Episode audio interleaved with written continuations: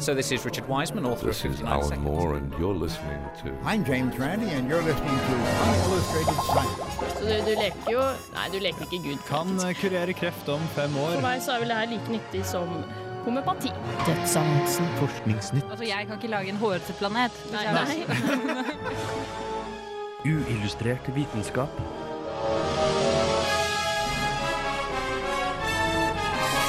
Science, it works, bitches.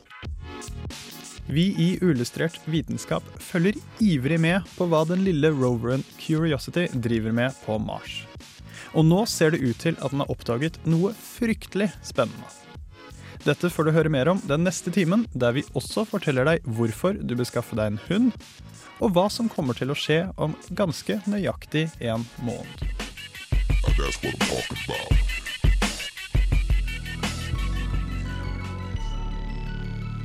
Ja, du lytter til uillustrert vitenskap her på Radio Revolt, Radio Revolts eh, populærvitenskapelige magasin. Mitt navn er Ole Eivind Sigrud, og denne uken har jeg med meg Sofia Sundquist. Ja, hallo. Vi eh, har jo ganske mye spennende på plakaten. Blant annet er det gigantiske nyheter fra Mars, som eh, har fått alle nerder verden over til å ja, sitte på nett og refreshe alle mulige sider i håp om å finne ut mer. Eh, og så har du eh, tatt en titt på hunder. Hunder, ja. Det er litt avslørende at jeg er hundeelsker, kanskje. Mm. Men eh, ja, det, vi får høre. Ja, Men eh, aller først, eh, for å vente litt med Mars, så har vi faktisk en oppdatering på ASEA-saken som vi eh, tok opp eh, her for noen uker siden. Og det skal du få høre mer snakke om etter Lindstrøm med Fårikål.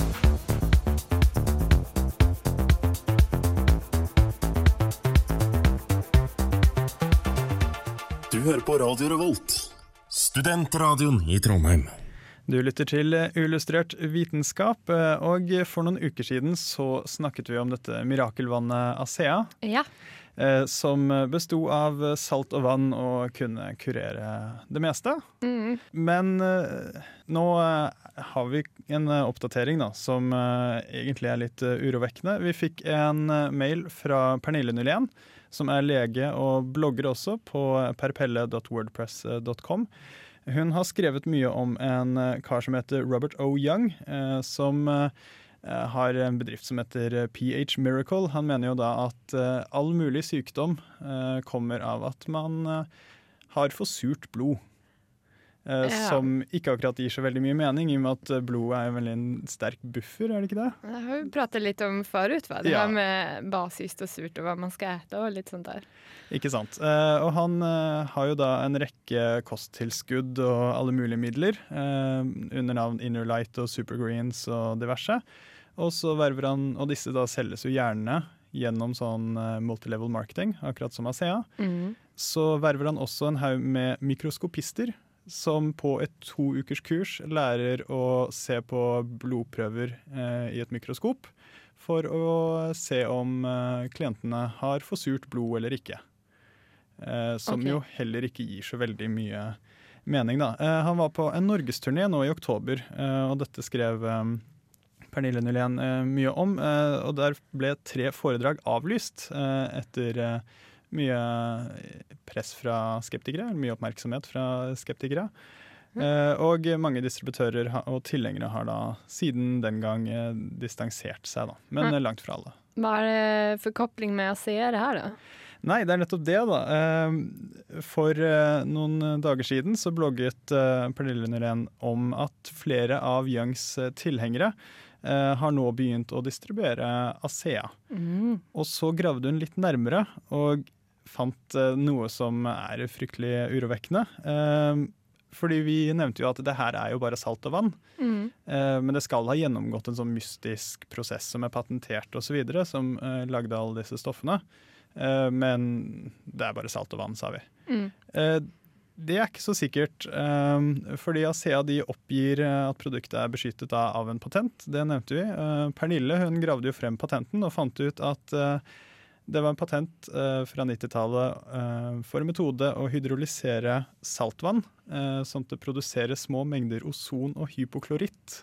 Ozon og hypoklorit. Ja, som jo absolutt ikke er spesielt eh, sunt. da. Eh, ozon er jo giftig, hypokloritt er giftig og et sterkt eh, oksidasjonsmiddel. Så man selger altså vann med giftig? ja, det kan hende. Nå skal det jo sies at ASEA sier at denne patenten beskytter produktet. Man vet jo ikke at den faktisk er brukt. Eller om de bare sier at å ja, men vi har en sånn patentert prosess, og så bare blander de egentlig litt salt og vann, og så kjører du ut på markedet og rett og slett lyver. Uh, det kan jo også hende, så det, dette vet vi ikke. hoppas det. Men, eh, men det er jo urovekkende hvis det faktisk brukes den eh, patenten. Så eh, drikker du vann med litt eh, hypokloritt og ozon osv. Men det ja. Men så hun har sittet og letat opp det her selv liksom og gått inn i patent og man, jag tänker, har man ingen kontrollorgan som går inn og kaller hva som kommer ut på marknaden? Ja, eh, man har jo det. Man har jo Mattilsynet. Eh, De skal passe på at eh, ting som selges som mat, og dermed også all kosttilskudd osv., som ikke er medisiner, skal være trygge å bruke. Men det fins jo så fryktelig mange produkter, og spesielt på nettet. Eh, Dette her er heller ikke et produkt som sånn selges på Rimi og bunnpris. Dette her selges jo av folk som kjøper det på nettet, Mm. eh, og så selger de det videre til venner og bekjente. Så Da skal man være skeptisk. ja. Lite mer. Da er det ikke så sterk kontroll på det, dessverre. Men det er jo faktisk ikke helt usannsynlig da, eh, at det kan være hypokloritt og andre farlige ting. fordi det er jo ikke helt uhørt i denne bransjen. Eh, man hadde jo eh, mye skriverier om et eh, kosttilskudd som het Miracle Mineral Solution for en del år tilbake, som viste seg å være sterkt, sterkt blekemiddel. Og også han Young har en del sånne midler som skal regulere pH-en i kroppen, som også antagelig absolutt ikke er spesielt sunne. Men jeg har også lovet litt snakk om nyheten fra Mars. Den får du etter Animal Collective med Crimson.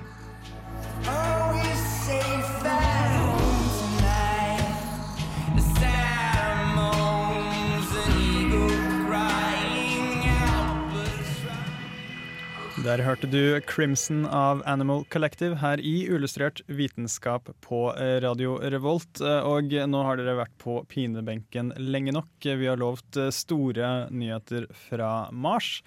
Og nyheten er jo da at Mars-roveren Curiosity har funnet noe fryktelig spennende.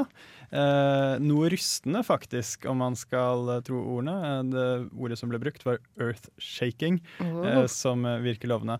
Det hele eh, startet med en, da, en NPR-sak. Eh, NPR, altså radiostasjonen i, eller radionettverk i USA. Eh, det var en journalist som da snakket med NASA-forsker John Grotzinger. Eh, og Grotzinger han jobber med såkalt SAM, eh, Sample Analysis on Mars, som er en av disse komponentene på eh, Curiosity. Som er en slags mini-kjemilaboratorie som undersøker organisk materiale og gass. Og ser etter miljøer som kan ha støttet liv. Og det er spesielt karbonforbindelser interessant.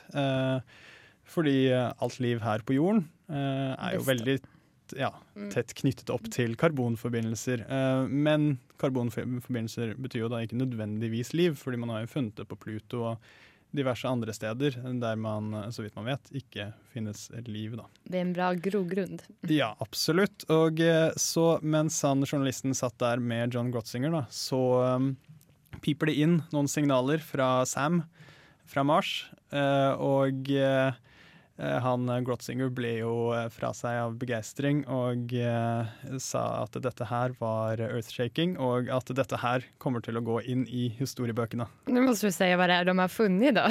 Ja, eh, nei, det kan jeg ikke, fordi det vet vi ikke, rett og slett. Eh, det, det her er en bare fryktelig frustrerende liten luremus av en sak. Eh, fordi han sier jo at dette her er grensesprengende, dette her går inn i historiebøkene, dette her er kjempekult. Og så når man spør bare, ja, hva var det du fant? Nei, jeg kan ikke si det ennå, for de er da fryktelig forsiktige med å uttale seg. da. Jaha, hvorfor det da? Nei, det er jo det at uh, man må jo passe på at man er sikker før man kom med uttalelser. Uh, for en stund siden så fant de blant annet eh, rikelig med metan på Mars. Mm. Uh, og her på jorden så kommer jo det gjerne fra organismer. Mm. Men så visste de det at dette kan jo også ha vært metan som har blitt tatt med fra jordens atmosfære Mm. over til Mars. Så da kontrollerte de for det og passet på at uh, alt det var borte. Og så gjorde de testen på nytt, fant ikke noe metan. Det- så eh, Det er jo veldig retstyckemetod där. Åh, vi har funnet noe, og det her kommer gå inn i historiebøkene'. Å, hva, har ni funnet? Hva har ni funnet? Bare, Nei, nei, men det er hemmelig. Nei, det, ja, det er veldig frustrerende, men altså, jeg skjønner dem godt. De kan ikke brake løs med pressemeldinger osv. om at vi har funnet et eller annet, og så etterpå så Nei, men det gjorde vi ikke likevel. Uh, de, ja, det kommer til å ta noen uker da, før vi vet hva det er. Æsj. Hva tror du det kan være då? Nei, eh, det er det, da. Ut ifra at dette kommer fra Sam, så regner jeg med at det er noe organisk materiale av noe slag, noen karbonforbindelser. Mm.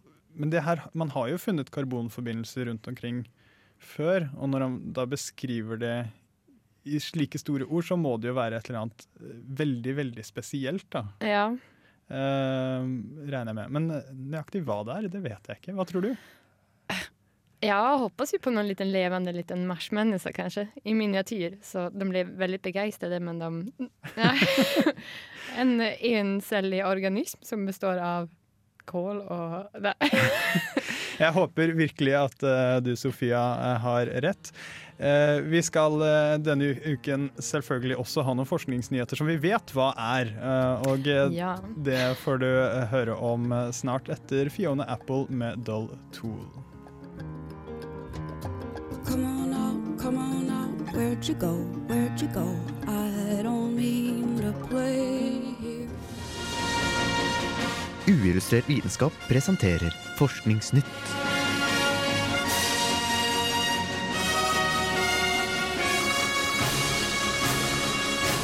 Forskningsnytt. Ja, det er tid for forskningsnyheter, men nå som Jeanette ikke er her, så gjør vi det old school. eh, Rett og slett at jeg eh, forteller om et par nyheter som eh, har blitt skrevet om denne uken, som var fryktelig interessante. Den ene var om alger som stjeler energi fra andre planter. Hittil har man trodd at det kun er mark og bakterier og sopp som kan fordøye cellulose fra planter. Eh, mens planter selv de må drive med fotosyntese, og da trenger de karbondioksid, vann og lys, som alle lærte på barneskolen. Eh, men nå har man funnet en alge som kan fordøye cellulose. En plante som spiser planter, altså. Wow. Hvor har man oppdaget det her, da? Ja, nei, Det var et eh, forskerteam som da undersøkte den grønne algen eh, Chlamydomonas reinharti, som da er en grønn alge. Chlamydomonas reinharti. Ja. Mm.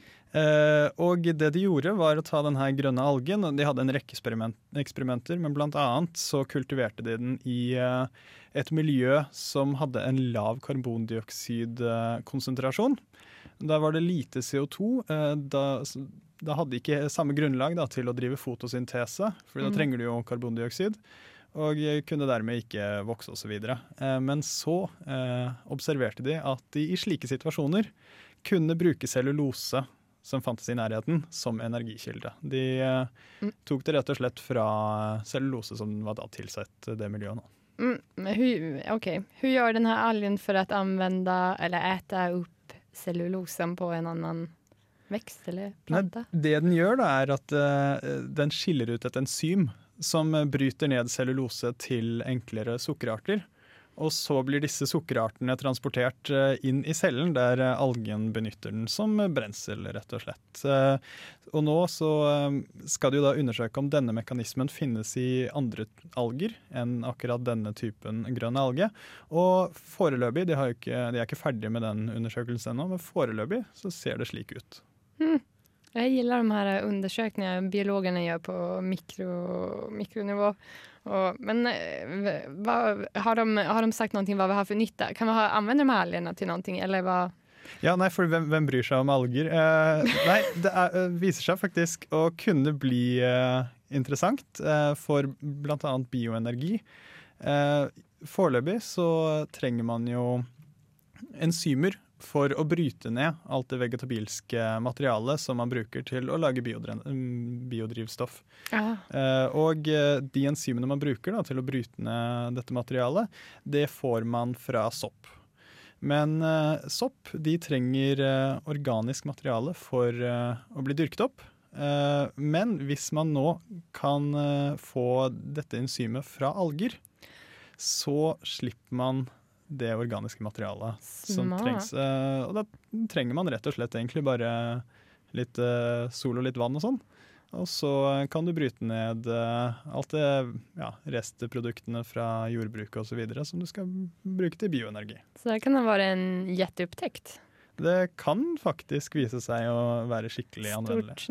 Eh, det neste eh, fortsetter litt i cellulosebanen. Eh, var en annen nyhet som jeg falt eh, pladask for. Eh, Det var en eh, kunst- og historieinteressert evolusjonærbiolog som het Blair Hedges, som har funnet en eh, artig kobling da, mellom kunsthistorie og biologi.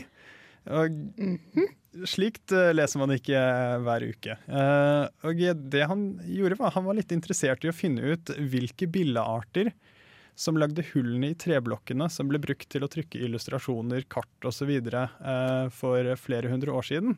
Fordi da var det jo vanlig at man skar ut et bilde i en treblokk, og så trykket man det på eh, papir, eh, f.eks. Eh. Men så ser man da i en god del av disse trykkene, så er det sånne hull eh, i trykket. Og det kommer jo da fra at biller de eh, legger jo eggene nedi dette treverket, og så blir det en larve som driver og graver litt sånn ganger.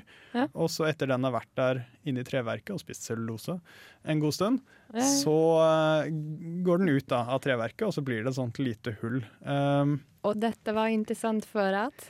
ja, nei, det da. ehm, han dro jo da til museer i Europa og undersøkte til sammen 3263 sånne forskjellige hull fra 473 forskjellige trykk, eh, som var lagd mellom eh, 1469 og 1899.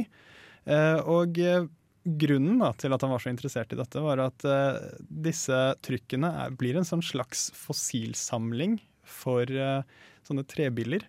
Eh, og at en annen ting som var litt interessant, var at disse trykkene er jo faktisk eh, bedre eh, ja, materiale å undersøke enn treblokkene i seg selv. Fordi Ja. på treblokkene så kan man ikke vite når disse hullene ble lagd. De kan jo ha blitt lagd etter det ble trykket, og etter uh, ting ble skåret i den treblokken, så det vet man ikke helt. Men på trykket så vet man at hvis det er et merke på trykket, så kom den, det hullet i treblokken mm. før den tid. Um, Mhm. Så eh, det er veldig lett å datere. Eh, og så kan man si da nøyaktig når og hvor billen levde, fordi eh, de aller, aller fleste av disse trykkene er jo publisert et visst sted og til en bestemt tid. OK, så da fann han altså ut va- OK, han kunne tidsbestemme efter å se på Ja. er... Ja, fordi han kan jo tidsbestemme verket. Han kan, hvis det er en bok, så kan han tidsbestemme den, fordi det står jo hvor, hvor og når den er publisert. Og da kunne han finne ut når og hvor eh, denne billen levde der.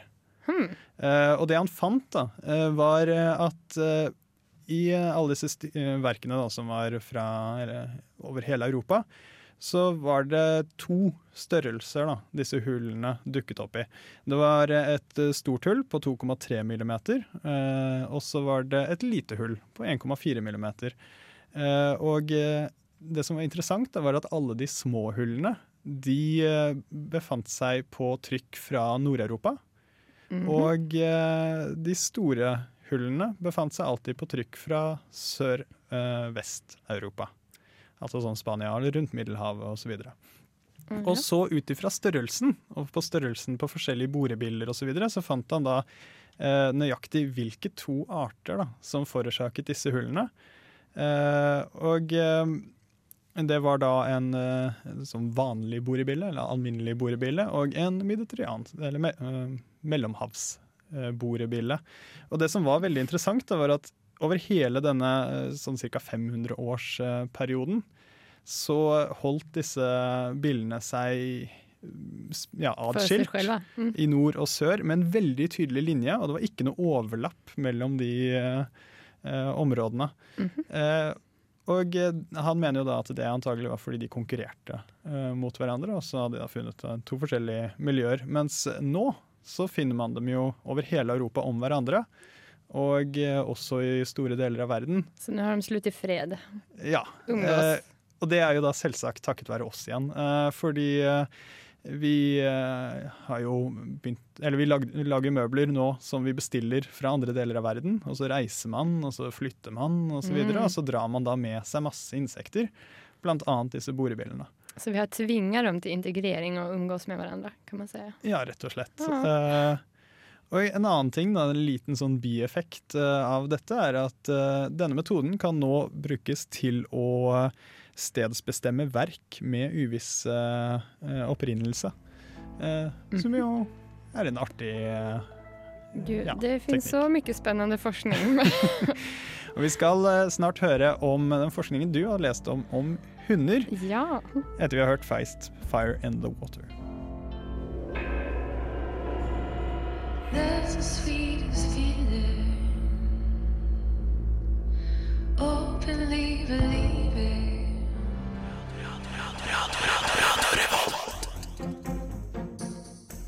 Vad finns det som kan være två decimeter kort eh, eller en meter høy? Den kan være sträv eller mjuk, lukta förfärligt eller knappt noe alls. Ger dig allergi, gör dig arg och irriterad eller ger dig vansinniga skrattanfall och villkorslös kärlek. Vad är det jag talar om? Eller vem? Jo, kanske din bästa vän. Han som viftar på svansen. För 200 år sedan, i början av 1800-talets Schweiz, fick munkene ved et kloster i Alperna ideen om å ta med seg människans beste venn for å redde borttappade personer. Mange mennesker forsvant i ferden gjennom Sankt Bernhardspasset mellom Italien og Schweiz og munkene hadde forstått at den tjockpälsade Sankt Bernhardshunden hadde et utmerket orienteringssinne og var extremt duktig til å motstå kyla. Hundene kunne lete opp personer nedgravd under snön, gräva upp dem och lägga sig som ett täcke över dem för att hålla dem varma medan en annan hund sprang tillbaka till klostret.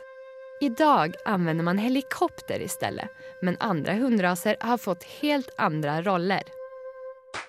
I USA finns ett program där hundvalpar används som terapi för patienter som lider av posttraumatiskt stresssyndrom.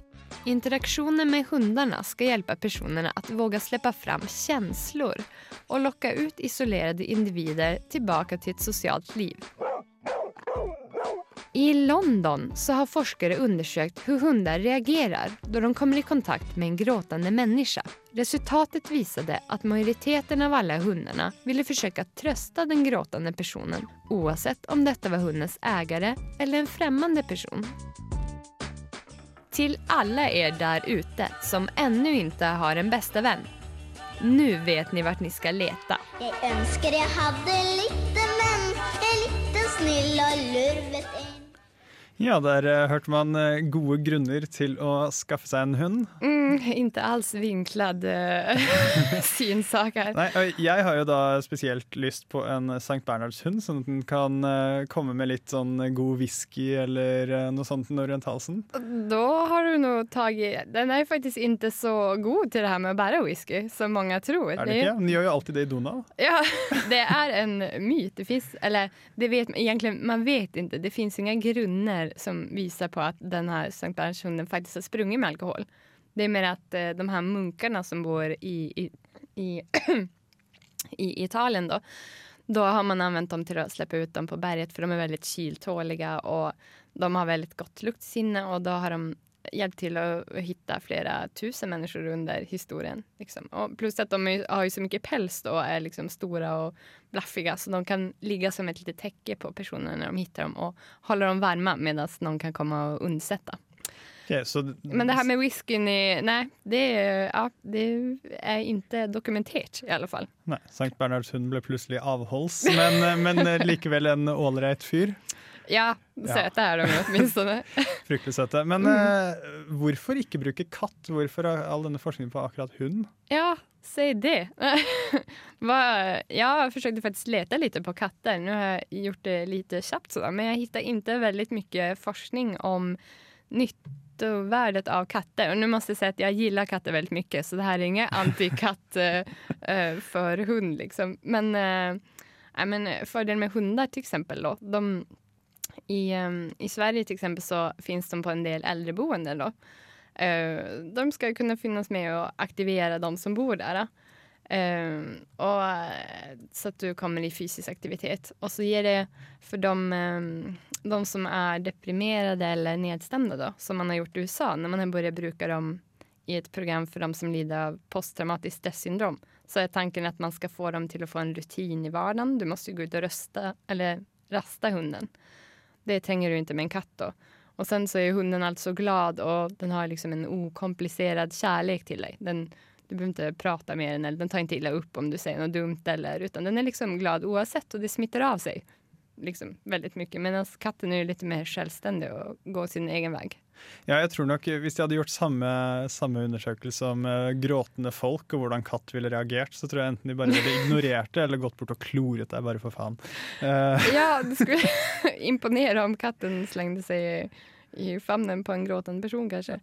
Men det minner meg jo litt om eh, det med sånn el eh, eldrehjem osv. I Japan så har de jo testet denne robotselen, som har fryktelig god effekt. Eh, Så tydeligvis er det ikke bare unikt for hunder, også robotseler.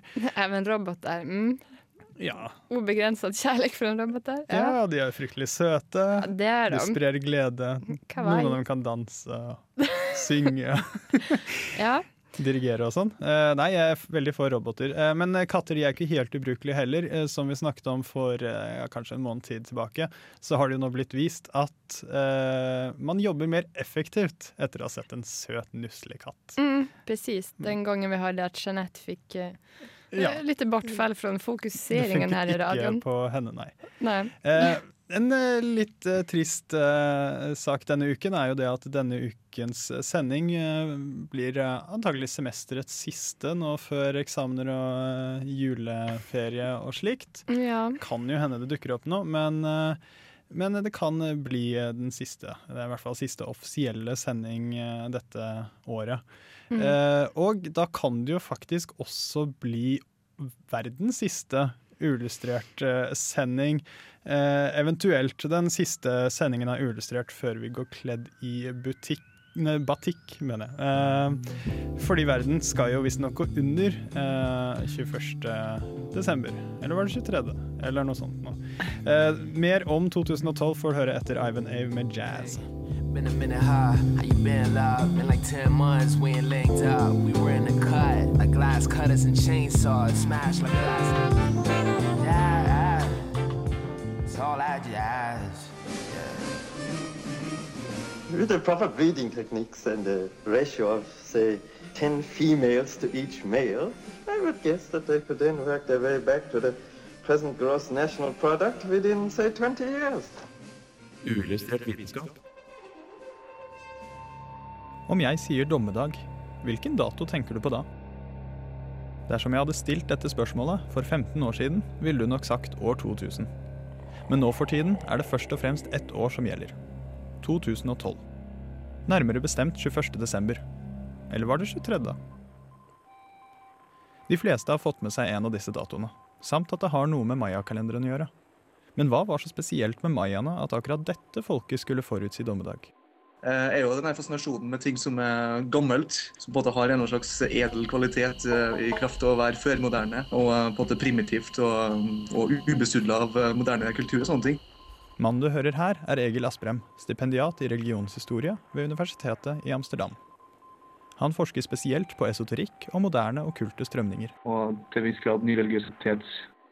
Ok, så New Age-miljøet ble fascinert av mayakulturen fordi den var gammel, og så oppdaget de gamle dommedagsprofetier?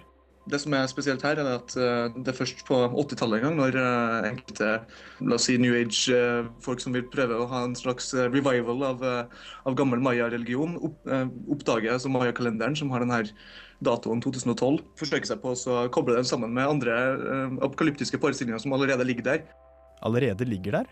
Årstallet 2012 dukka opp eh, allerede før det, på midten av 70-tallet, i den mer psykedelisk orienterte delen av New Age-bevegelsen, eh, med en kar som heter for Terence McKenna. Så hvordan kom han opp med 2012?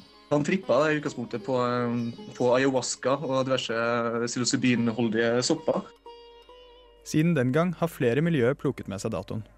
Egil Asprem deler 2012-fenomenet inn i tre typer bevegelser.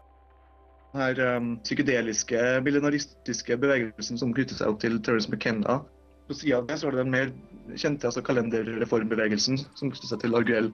Typisk for begge de to uh, retningene er at de stort sett har en skal si, positivt syn på hva som skal skje i 2012. Altså, det dreier seg ikke så mye om uh, altså, verdens undergang, men like så mye om altså, et slags tusenårsrikes komme. ikke sant? Altså, en klassisk millenaristiske forestilling om at ting skal bli så meget bedre en tredje retning, som er den her mer kataklysmisk orienterte survivalist-bevegelsen. Det er denne siste bevegelsen som tror på dommedag i den forstand de fleste av oss oppfatter dommedag. Du skal få en reversering av det magnetiske feltet på jorda. Du skal få kataklysmiske vulkanutbrudd og, og jordskjelv og plateforskyvninger og det ene med det andre.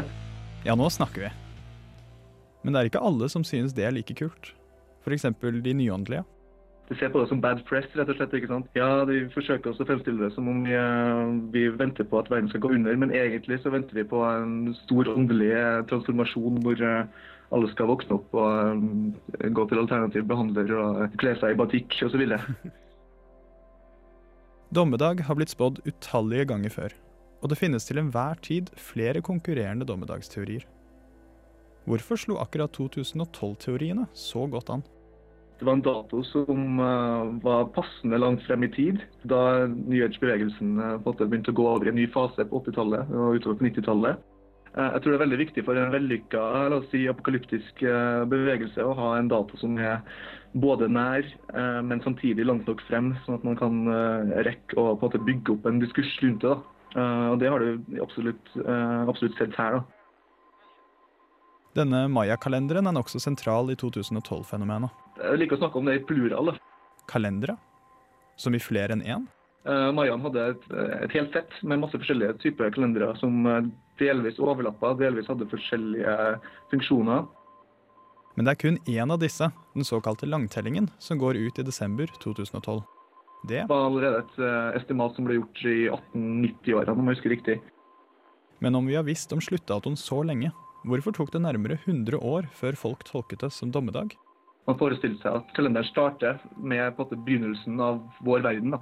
Og later til at den datoen som, eh, som det starter på, det er vel eh, i august en gang i år 31-14 før det var tidsregning, så finnes det en del astronomiske gode grunner til at den datoen er spesiell. Da.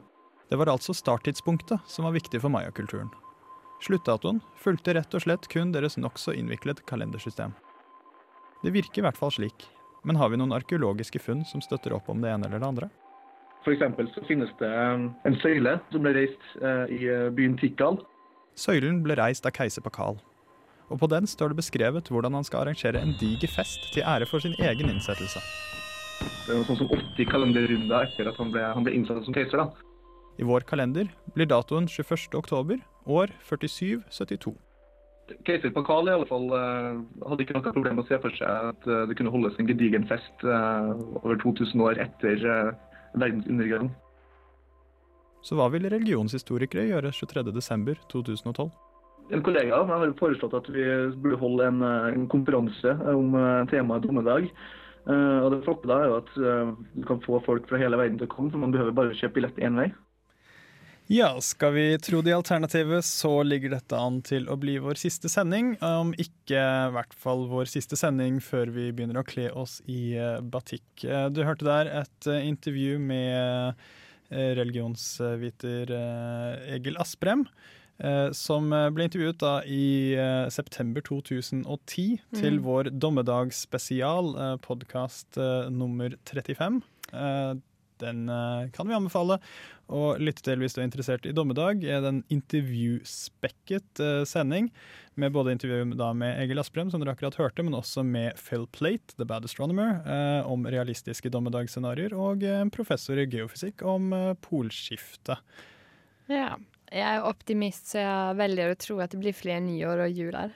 jeg tror nok det. Jeg tror ikke kalenderen, eh, eller at verden går under hver, hver, nyttårsaften, selv om kalenderen slutter. Nei, I så fall er vi veldig bra på å reinkarnere. Altså. Ja. Så kan vi også for den dommedagsinteresserte anbefale samfunnsmøte på Studentersamfunnet nå klokken 19 lørdag 24. Nå førstkommende lørdag, altså. Temaet er dommedag. Der får de religionshistoriker Lars Kirkhusmo Faro, som vi har intervjuet her i Uillustrert før, om nettopp 2012. Og en generell allround crank, Frank Aune fra Nyhetsspeilet. Det her tror jeg blir gøy. And talk sweet talk. I got a knocking in my knees and a wobble in my walk, and I'm trembling.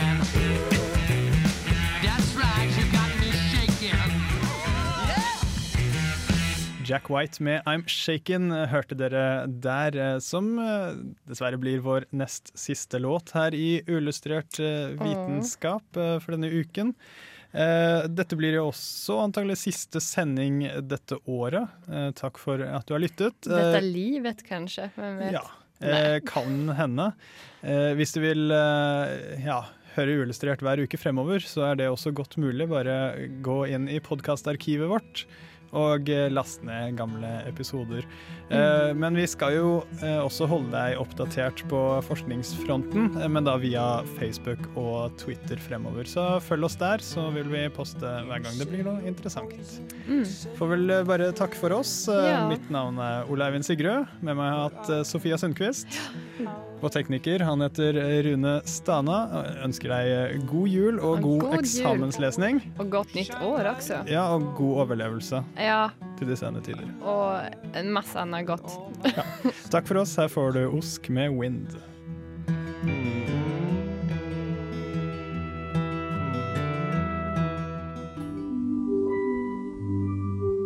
Uillustrert vitenskap er Midt-Norges eneste teknologimagasin på lokalradio. Og vi snakker om alt fra populærvitenskap til sære forskningsprosjekt ved NTNU. Radio Revolt, studentradioen i Trondheim, er stolt av å kunne presentere podkaster fra de aller mest populære programmene våre. Hvis du har lyst til å høre mer fra Radio Revolt, hvem vi er og hva slags musikk vi spiller, så kan du høre oss på FM-båndet i Trondheimsregionen, eller streame sendingene våre live på radiorevolt.no.